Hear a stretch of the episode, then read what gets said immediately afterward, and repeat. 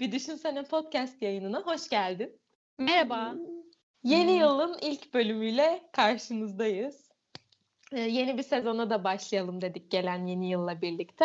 İkinci sezonumuz kutlu olsun. Buraya alkış Evet. ettik. 2020'de Mayıs ayında başlamışız birlikte ve 20 bölüm olmuş. Yani ikimiz de bunun için kutluyorum. Nasıl geçti senin için bu podcast'e başlama serüveni ve 20 bölüm sonrasına yeni sezon? İyi ki yapmışız diyorum. Güzel gidiyor. Böyle görmek o bütün yıl boyunca verdiğimiz emekleri, bölümleri çok hoşuma gidiyor. İyi ki yapmışız, iyi ki varsın. Senin için nasıl ilerledi bu podcast süreci? Evet, Neler, sen de ki neler. varsın. Nasıl ilerledi? Ya çok değişik bir şeymiş. Yani sesini kaydetmek, onu paylaşmak falan ga- garip bir tecrübe ama çok şey de öğretti. Rastgele bir konu seçiyoruz birlikte. Sonra o konuyu araştırıyoruz. Böyle yeni şeyler hakkında bilgi edindim. Kendimi çok gözlemledim. Hani psikoloji serilerimiz de var ya. Sanki kişisel gelişim şeyine girmişim gibi bazı bölümlerde oldu. Hani öyle kurslar, atölyeler falan oluyor ya. Ve sanki böyle kişisel gelişim yolculuğuna birlikte çıkmışız gibi de oldu. Mesela ya o da çok hoşuma gidiyor benim. Hani benimle birlikte sen de böyle şeyler yaşıyorsun. aynı hafta aynı şeyleri Kesinlikle. araştırıp sorgulayıp gözlemliyoruz. Gerçekten Evet, güzel oldu. Yani sanki böyle arabada tek değilsin yanında biri daha Evet. var ve gördüğün her şeyi o da görüyor ya da böyle dürtüyorsun şunu fark ettin mi şunu gördün mü? Hani iki kişi olması böyle insanın kendine yolculuğunu insanı çok rahatlatıyor ve şey işi biraz daha böyle eğlenceli kısmına da Eğlenceli. dönüştürüyor. O Kesinlikle. yüzden çok güzeldi. Bakalım bu yıl ne kaç tane bölüm çekeceğiz ve nasıl geçecek? Gerçekten çok merak ediyorum.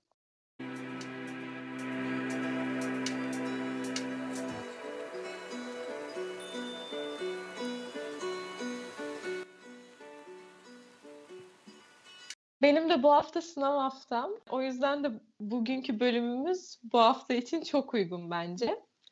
Bu haftaki Evet. konumuz üretken moda nasıl geçebiliriz? Bu bölümümüzün amacı sınav dönemi yaklaşan stresli öğrencilere yani ben mesela görevleri biriken ya da kendine koyduğu hedefleri gerçekleştiremeyenler için bir acil durum desteği sağlamak. O yüzden bölümün işte kapak fotoğrafında da SOS yazıyor. Biz de hatta kendimiz böyle zamanlarımızda açıp bu kaydı dinlemeyi planlıyoruz. Evet, hepimiz üretken bir birey olmak istiyoruz. Gündelik işlerimizi aksatmadan yapmak, kendimizi geliştirmek, başarılı olmak, ortaya kayda değer bir şeyler koymak istiyoruz. Benim de sınav haftam bu bazen çok stresli dönemlere de dönüşebiliyor. Peki böyle bir işe böyle başlayıp tamamını getirmek, bunları bazen başaramamamızın sebepleri neler? Nasıl istikrar sağlayabiliriz? Tembellik etmek, kafamıza kurduğumuz bahaneler, sürekli erteleme durumu, keyifle değil istemeye istemeye çalışma sorununu gelin birlikte inceleyelim.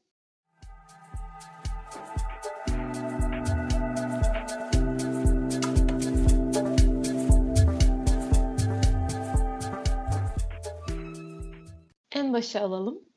Şu an çalışman gereken ya da bir şeyler için çabalaman gereken bir dönemindesin. Ama sen bunu gerçekleştirmekte zorlanıyor olabilirsin. Ya son zamana kadar erteliyorsun ya da başladığın işi bir türlü bitiremiyorsun. Uzun molalar veriyor ya da çalışmanı düzensiz aralıklarla tekrarlıyor olabilirsin. Bu mantıksız davranışı neden yapıyoruz?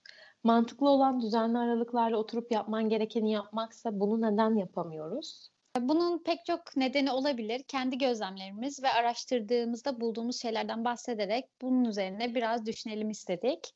Öncelikle senden istenen görevi ya da kişisel hedefini yerine getirmek için nelere ihtiyacımız var? Bunu düşündüm ben. Motivasyon yani bunu neden yapman gerektiği, güdülendiğin şey, aktif bir beden böyle enerjik hissetmek, açık bir zihin, uzun süre odaklı kalabilme kabiliyeti, irade gücü, istikrar, düşünce kontrolü gibi etmenler geldi aklıma. Yani bunlar olursa yapman gereken şey yaparsın gibi.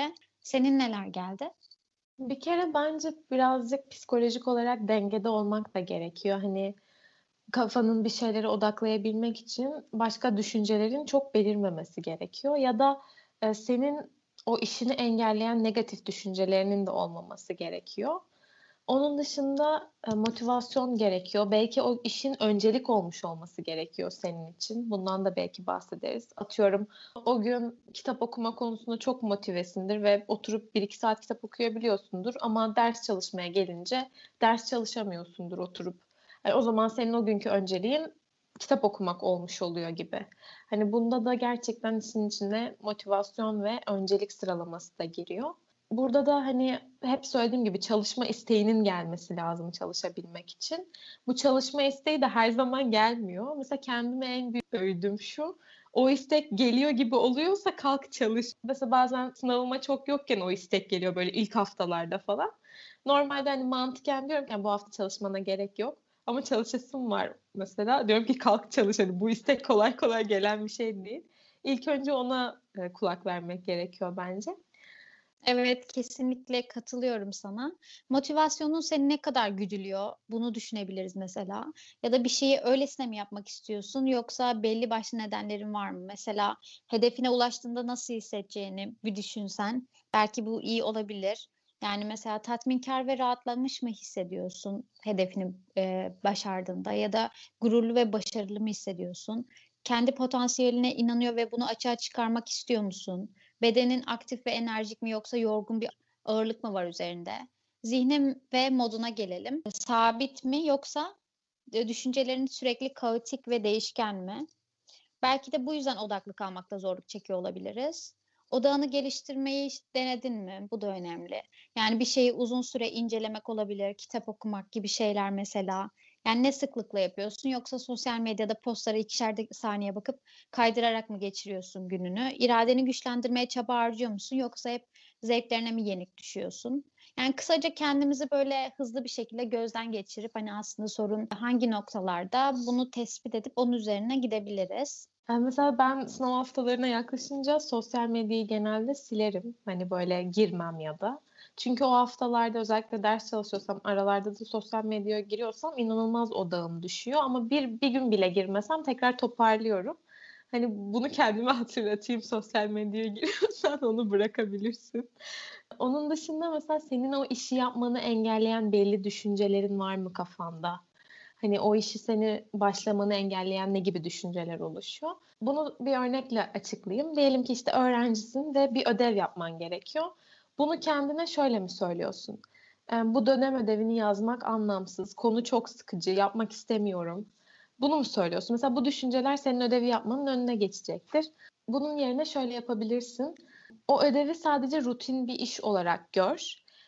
Bu çok iyi bir şey olmak zorunda değil. Bu ödevi ben mükemmel yapmak zorunda değilim de. Bir şeyler öğrenebilirim ve bunu bitirmek bana daha iyi hissettirecek diyerek böyle en azından hiçbir şey yapmamaktansa böyle küçük başlangıçlar yapmak işe yarayabilir. Hatta ben bana geçenlerde oldu bu. Bir ödevi hiç yapmak istemiyordum. Sonra böyle girdim. O kadar önem vermeden böyle yaptım. Ama yine de bir şeyler öğrendim ve hiç yapmamamdan daha iyidir yani.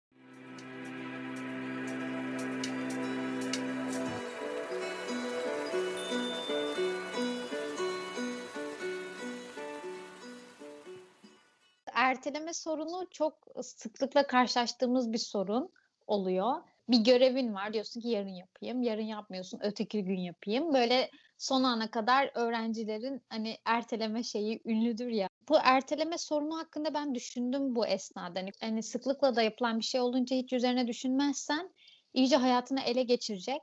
O yüzden bence herkes kendine neden erteliyorum diye sorması gerekiyor. Bir analiz etmesi gerekiyor kendine. Hani mesela şu olabilir yaz mesela erteliyorum çünküyle başlayan cümleler yazmak bana biraz pratik geldi. Mesela erteliyorum çünkü daha zevkli şeyler yapmak istiyorum. Erteliyorum çünkü mükemmelliyetçi yönüm işlerin tam istediğim gibi gitmeyeceğini söylüyor. Erteliyorum çünkü negatif duygularla boğuşuyorum. Erteliyorum çünkü başka işe fazla vakit harcıyorum. Erteliyorum çünkü rekabet hissediyorum ve bununla başa çıkamayıp kaçmayı tercih ediyorum. Erteliyorum çünkü kendime ve yapabileceklerime güvenmiyorum. Erteliyorum çünkü yapacağım görevi bazı kötü anılarla ve düşüncelerle bağdaşlaştırdım ve onları zihnime tekrar çağırmak istemiyorum gibi. Yani ertelediğinde bunu çünkülü cümlelerle birlikte yazıp hani onları somutlaştırmak. Bu cümlelerin yersizliğini somut olunca daha fazla görüyorsun. Zihninde dönünce yakalayamadığın için daha gerçeklik kazanıyor ama kağıda yazınca böyle sanki herkesin başına gelebilecek şeyler ve şu an bunu yaşıyorum etkisine daha çok giriyorsun. Sen ne düşünüyorsun? Kesinlikle katılıyorum düşünceleri, o ertelemelerini. Çünkü şeklinde yazdıktan sonra yanına da mantıklı hallerini yazabilirsin mesela.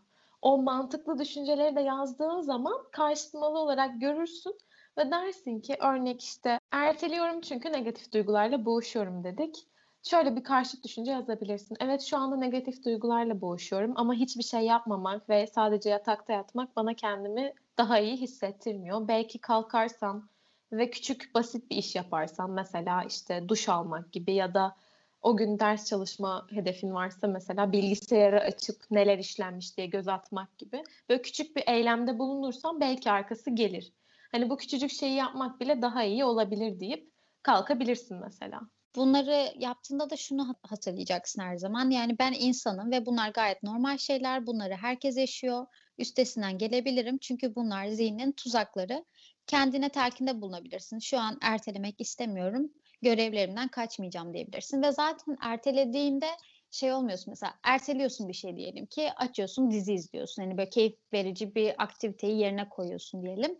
Hani o zaman da zaten yüzde yüz keyif alarak yapmıyorsun o işi. Çünkü kafanda hep ertelediğin görev var. O yüzden de hani aslında her türlü mantıksız bir davranış. Sen şey dedin ya işi yapmadığımızda da mutlu olmuyoruz hani sonuçta bir, vicdan bir suçluluk duygusu oluyor. Mesela bu çok kötü. Ben mesela kendimi düşündüm. Kendimi nasıl motive ediyorum diye düşündüm. Şey diyoruz iç sesim bana ders çalışmalıyım. Ya da mesela televizyon izliyorum ya iç sesim o an bana diyor ki ders çalışıyor olmalıydın. Mesela bu iç sesi de değiştirmek gerekiyor. Onunla ilgili de önerimiz olacak ilerleyen kısımlarda.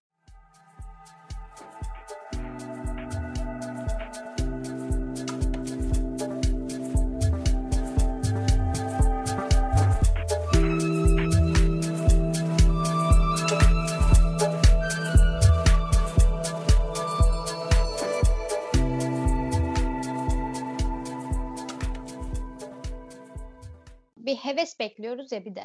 Tam o ilhamda ya da hevesli olayım, oturayım, tam böyle isteyerek, böyle zevkle çalışayım. Hani o mükemmel anı bekliyoruz.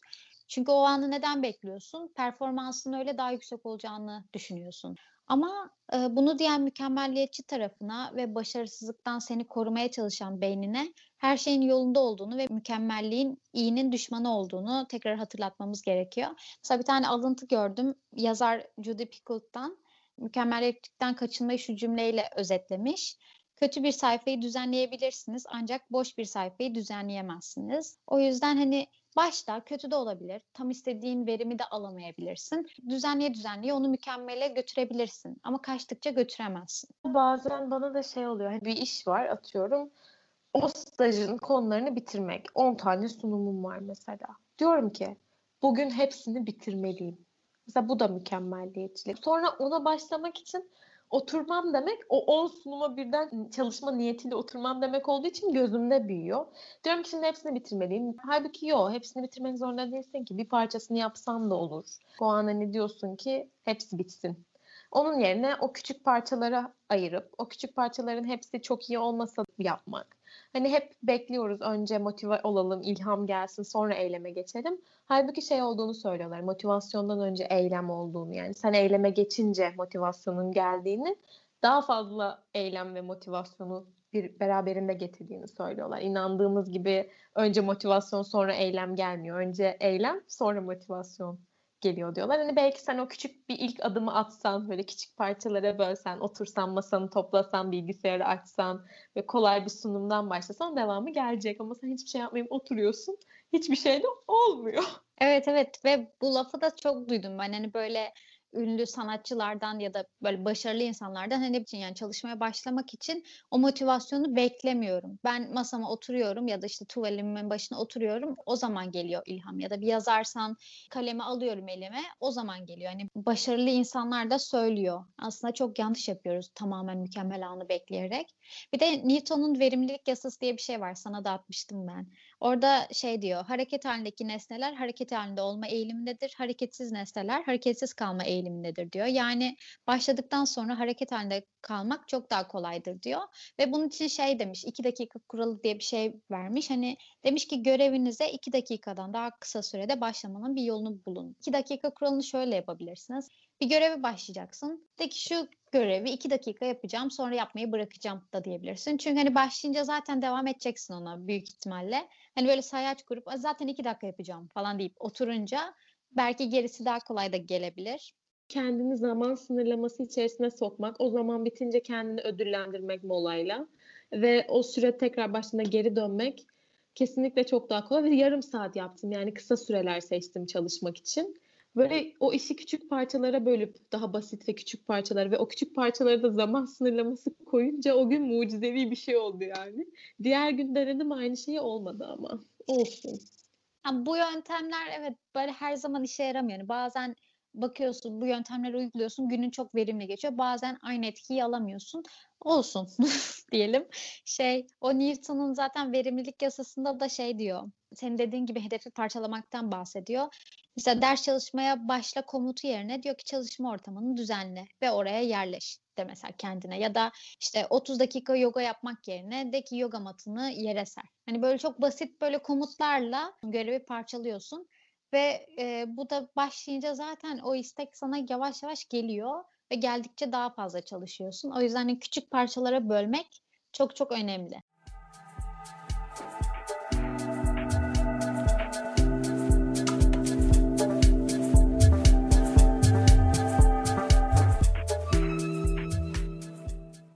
Şöyle bir düşününce bu erteleme sorunu ve fizyolojik bir şey yani psikolojik bir şey. Bu genelde duyguları kontrol etmemiz de bunu çok şey yapıyor. Yani duygular seni ele geçirdiği anda negatif duygular hemen kaçmaya, ertelemeye başlıyorsun. O yüzden de hani olumsuz düşünceleri yakalayıp seni ele geçirmesine izin vermeden yapacağın şeyi yapman gerekiyor. Erteleme nedenlerimizden bence gözden kaçan bir şey daha var. Bağdaşlaştırma diye bir sorun var. O da şu. Mesela yapacağın eylemle bir şeyleri zihninde bağdaşlaştırıyorsun. Örneğin mesela ders çalışacaksın. Zihnine dersin öğretmeniyle olan sorunun geliyor ya da dersin öğretmenine olan öfken geliyor. Ve yaptığın şeyde sürekli bu aklına geliyor. O yüzden o eylemi yaparken o olumsuz duyguları yaşıyorsun ya da işte sınıf ortamındaki rekabet geliyor. Bu sefer odaklı kalmakta zorlanıyorsun çünkü bir yandan da o aklına gelen negatif düşüncelerle boğuşuyorsun. O yüzden o eylemden kaçmak istiyorsun. O zihnine aynı şeyler gelmesin diye. Hani bu bağdaşlaştırmayı da yapmamamız gerekiyor. Bunun için kendimize sürekli şunu hatırlatmamız gerekiyor. Yani yaptığımız her an bu yaptığım eylem onlardan bağımsız. Bunu kendim için yapıyorum. Yani nedenlerin neyse işte bilgilerini pekiştirmek, işte daha çok para kazanmak vesaire ya da kendi en iyi versiyonuna gidecek basamaklar olduğu için. Yani o insanların ya da o aklına gelen şeylerden bağımsız olduğunu, kendin için yaptığını sürekli kendine hatırlatıp bu kendim için yapacağım iyi şeye bu e, negatif düşüncelerin engel olmasına izin vermiyorum diye kendinde telkinde bulunmak bence insanı rahatlatır. Evet, bunu kimi zaman yapıyoruz yani yapmamak lazım. Yani bir işi bitirmek için motivasyona ihtiyacımız var bir noktada ve bu motivasyonu kendi kendimize öldürebiliyoruz. Kendimize böyle bunu yapmak zorundayım, bunu yapmalıyım. Şu anda işte telefondayım ama ders çalışıyor olmalıydım gibi melimalı cümleleriyle kendimizi kontrol etmeye ve motive etmeye çalışıyoruz. Mesela ben kendimi de e, ders çalışacağım zaman ders çalışmalıyım diye motive ediyorum. Ama bu melimalı cümleleri zihnimizde bir gereklilik çıkarıyor. Yani ben bunu yapmak zorundayım gibi ve bu bazen bizi zorlayabiliyor. Yani ben mesela kendimi eğer suçlu hissedersem ya da kendimi zorlanmış hissedersem daha fazla çalışmam. Eğer bu gerekliliklerimizi isteklere çevirirsek hem kendimize karşı daha iyi davranıyor oluruz hem de sanki bir seçme özgürlüğümüz varmış gibi olur. Mesela bunu yapmalıyım demek yerine e, daha hafif bir şekilde bunu yapsam daha iyi olur demek biraz suçluluk duygusunu azaltabilir. Evet evet ben de bunu duyduğumda şey yapmıştım yani doğru demiştim. Yapmaman gereken şeyi yapan kötü çocuk gibi hissediyorsun ve evet. yargılandığını düşünüyorsun başka bir tarafından. Aslında kendin kendini yargılıyorsun ve Aynen. o yüzden iyice böyle yapmamak istiyorsun. Evet. Evet. Onun yerine oldu. bunu yapsam daha iyi olur şeyine Şey gibi aslında lazım. mesela bunu yapmalıyım. E, nerede yazıyor bunu yapman gerektiği? Hani mesela bunu sorabilirsin. Mesela o kadar zaruri değil. Hani bunu yapmam Ya. gerektiği nerede yazıyor? Mesela şey Öleceğim mi yani yapmazsam? Aynen. Mesela şey demişti Azra Cohen. Zorunluluklarımız kendimize söylediğimiz yalanlar. o da mesela Oo. farklı bir bakış açısı. Evet. Hani olursa olur, daha iyi olur, olmasını isterdim diye söyleyerek kendimizi en azından ikinci bir problem yaratmamış oluruz. Hani çalışmamamız bir problem, bir de üstüne suçluluk duymamız ikinci bir problem. Çalışmamamızı daha çok tetikliyor. En azından o Evet. yaratılmamış olur. Yani bir de bu konuya hani bütünsel bakarsak bedenin sağlığı da önemli bir nokta. Hani zihin Evet, olarak hazırlanmayı kesinlikle. konuşuyoruz. Ama mesela çok yorgun hissediyorsan, kasların çok zayıfsa ve sürekli bir ağır, yorgun, hantal hissediyorsan o, o şeyde de böyle bir şeyleri başlayıp bitirmek zor oluyor. Bunda da kendini gözlemlemen gerekiyor. Hani neden böyle hissediyorum? Hani yediğin şeylere bir bakman gerekiyor. Hani fast food mu yiyorum, abur cubur mu yiyorum, nasıl besleniyorum? İşte ne kadar uyuyorum ya da fiziksel bir aktivite yapıyor muyum? Özellikle bu pandemi sürecinde e, fiziksel aktivite yapmamamız çok kolay. Hani bunlara dikkat edip bunlar konusunda da hani e, birazcık çaba harcamak gerekiyor. Çünkü sadece zihinde olan biten bir şey değil. Hani bedenle zihin bir bütün olduğu için bedenin de sağlığı ve dinç hissetmen önemli. Hani güneş alıyor musun? Çok etle besleniyorsan daha ağır hissediyor olabilirsin sindirim sistemin yorulacağı için. Hani nasıl beslendiğine de böyle bir göz gezdirmek önemli.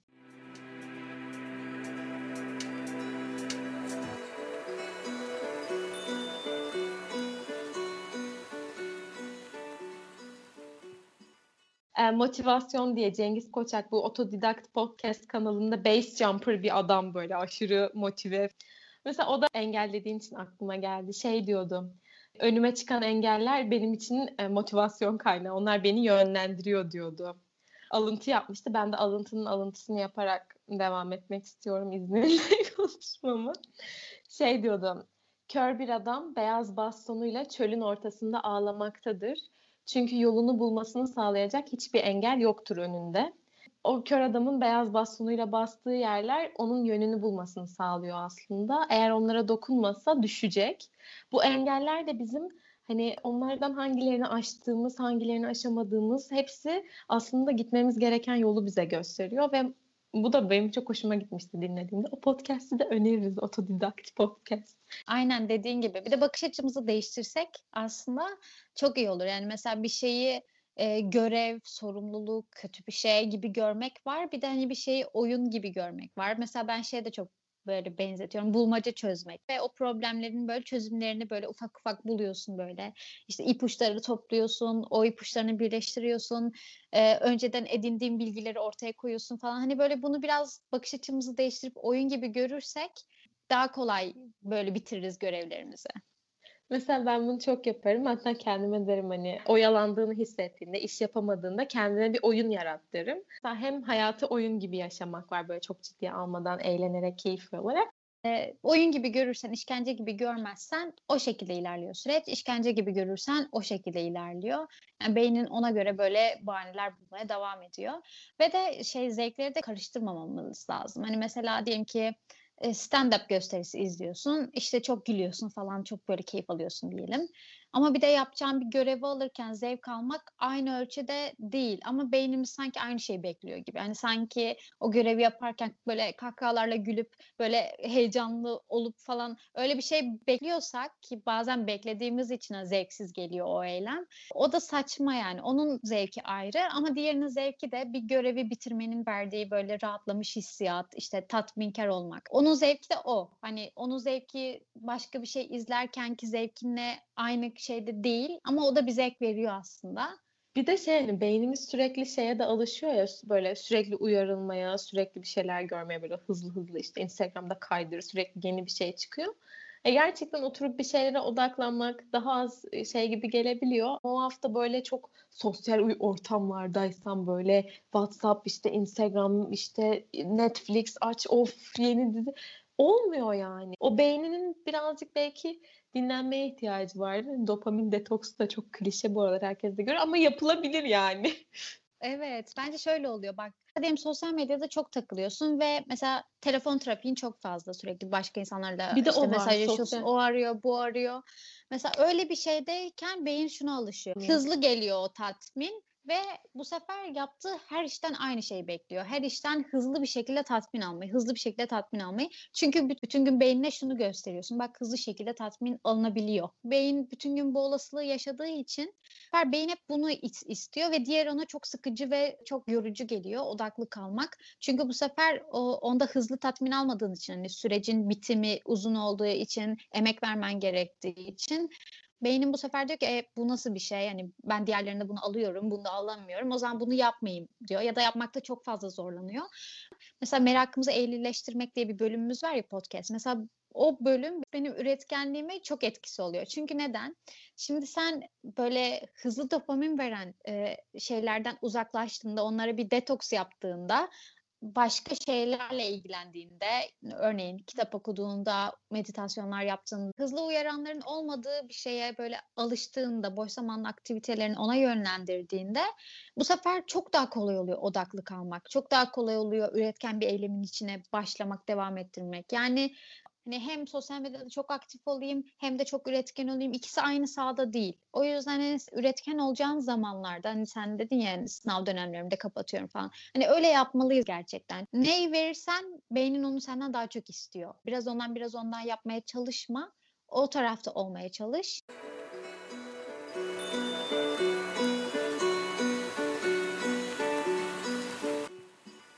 Karşılaştırma yapman da senin üretkenliğine Evet. yansıyor. Atıyorum biri kafanda vardır idol olarak. Diyorsundur ki şu an çalışsam bile e, onun gibi olamayacağım zaten. Hani yetişemeyeceğim ona falan. Bu karşılaştırma da senin üretkenliğine kötü yansıyorsa şunu düşünmek lazım. Aslında sadece kendinle kendini karşılaştırabilirsin. Dünkü haline bakıp bugün daha iyiysen tamamdır zaten. Çünkü herkesin e, yolculuğu farklı hayatta, herkesin dinamikleri farklı. Mesela atıyorum birisinin sınıfta notları çok yüksektir. Ee, mesela birisinin düşüktür ama o da mesela çok iyi at biniyordur ya da çok iyi sörf yapıyordur. Diğeri mesela tahtada bile duramıyordur. Yani o kadar bilmediğimiz şeyler var ki o yüzden de hani o sadece notları kıyaslayıp böyle kendimize yüklenip ağır hissetmek aslında saçma. Sen de başka yönlerde onunla iner- ileridesindir. O yüzden karşılaştıracağın tek kişi burada kendimize yine not. E, karşılaştıracağın tek kişi kendin. Yani kendinle Evet. kendini kıyaslayabilirsin. Dünkü senle bugünkü sen ve yarınki sen olarak. Bunu da böyle not geçelim. Evet, bir öncelik kısmı da önemli. Mesela senin önceliğin olan mesela ailenle olan ilişkini ilerletmektir, arkadaşlık ilişkini ilerletmektir. Atıyorum sosyal olarak kendini geliştirmektir ya da kişisel hedeflerine ulaşmaktır. Kişisel gelişimine adamışsındır kendini. Derslerin önceliğin olmaktan çıkmıştır. Ama mesela başka birisi için şu an dersler önceliklidir. O yüzden o daha önde görünür. Herkesin önceliği farklı. Zaman zaman bizim önceliklerimiz değişiyor. E, o yüzden de aslında hani kıyaslamak da doğru değil dediğin gibi. Evet, bir de dediğin şey çok önemli. Yani onu düşündüm. Hani zaman zaman önceliğin değişiyor. Mesela diyelim ki şu anki dönemde sen derslerine ağırlık veren başarılı bir öğrenci şeyinde gidiyorsun modelinde. İşte iyi çalışıyorsun, iyi notlar alıyorsun falan. Ama mesela bir dönem gelecek aşırı derecede sosyalleşmek, yeni insanlar tanımak isteyeceksin. O dönemde mesela aynı notlara sahip olmadığında şunu dememen gerekiyor. Yani aa sen eskiden işte yüksek notlar alırdın, şimdi böyle değilsin düştüğün şeyden, formdan falan hani böyle kendini o konuda suçlamaman gerek. Yani dönem dönem değişebilirliğini de düşünüp kendine yine yüklenmemen gerek.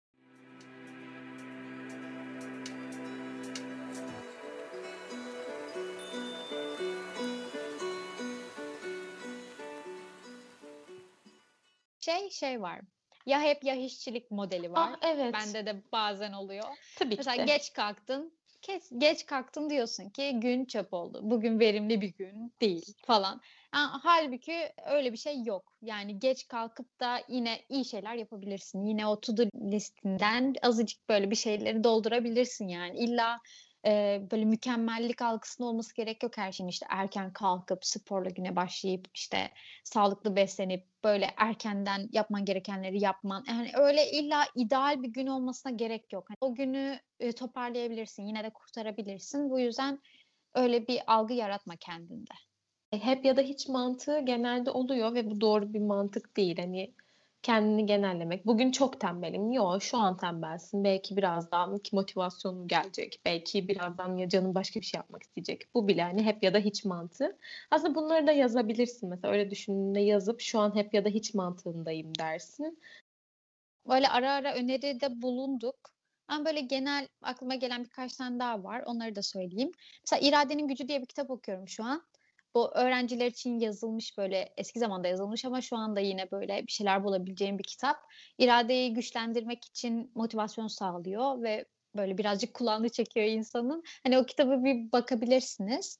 Ondan sonra ajanda kullanımı e, insanı böyle daha düzenli ve e, organize bir hale getirmeye şey yapabilir. Bir de bu pandemi sürecinde böyle pijamalarla oturmak yerine hani normal giyinmek. Mesela her gün makyaj yapıyorsan makyaj yapmak. işte saçını yapıyorsan her gün onu yapmak. Hani o tamamen böyle kendini saldığında o rahatlığa vücudun nasıl rahat hissediyorsa zihnin de öyle rahat hissedip o çalışma moduna giremeyebiliyorsun de bence e, genelde duygusal olarak bir kendimizi sabote ediyoruz. Yani zaten duygu şeyden çıkıyormuş, düşünceden çıkıyormuş. O yüzden düşüncelerin konusunda çaba harcaman olumlu etkiler bu üretkenliğini. İyi Hissetmek diye bir kitap var, onu okuyabilirsiniz. Yani duygu durumunuz iyi hissedince ve düşünceleriniz böyle sağlıklı bir ölçüde gittiğinde bu hayatınızın genel her yerine sıçrar. O yüzden bu da önemli bir şey. evet hatta bugün birkaç bahsettiğim o taktikler o iyi hissetmek kitabındandı. Kesinlikle bakılabilir bence de güzel bir kitap. Evet, bugünkü bölümümüz de e, üretkenlik üzerineydi. Umarız faydalı olmuştur. Evet, bunu ileride dinleyen Gökçen ve Melodi kalk ve çalış. Bırak artık boş boş dolanmayı. Evet seni seviyorum Gökçem, seni seviyorum Melodi ama çalış artık cidden. Siz de bu bölümü kapatınca ne yapmanız gerekiyorsa onu yapın tamam Yani buradan başka podcastlere ya da başka yani, videolara, başka geçmeyin. dizileri atlamayın yani. Aynen işinizin başına. Bölümü sevdiyseniz bize sosyal medya adreslerimiz üzerinden geri bildirim verebilirsiniz. Aşağıdaki açıklamada var. Aynı zamanda bize destek olmak isterseniz de linki aşağıya koyuyoruz. Kendinize iyi bakın. Hoşçakalın.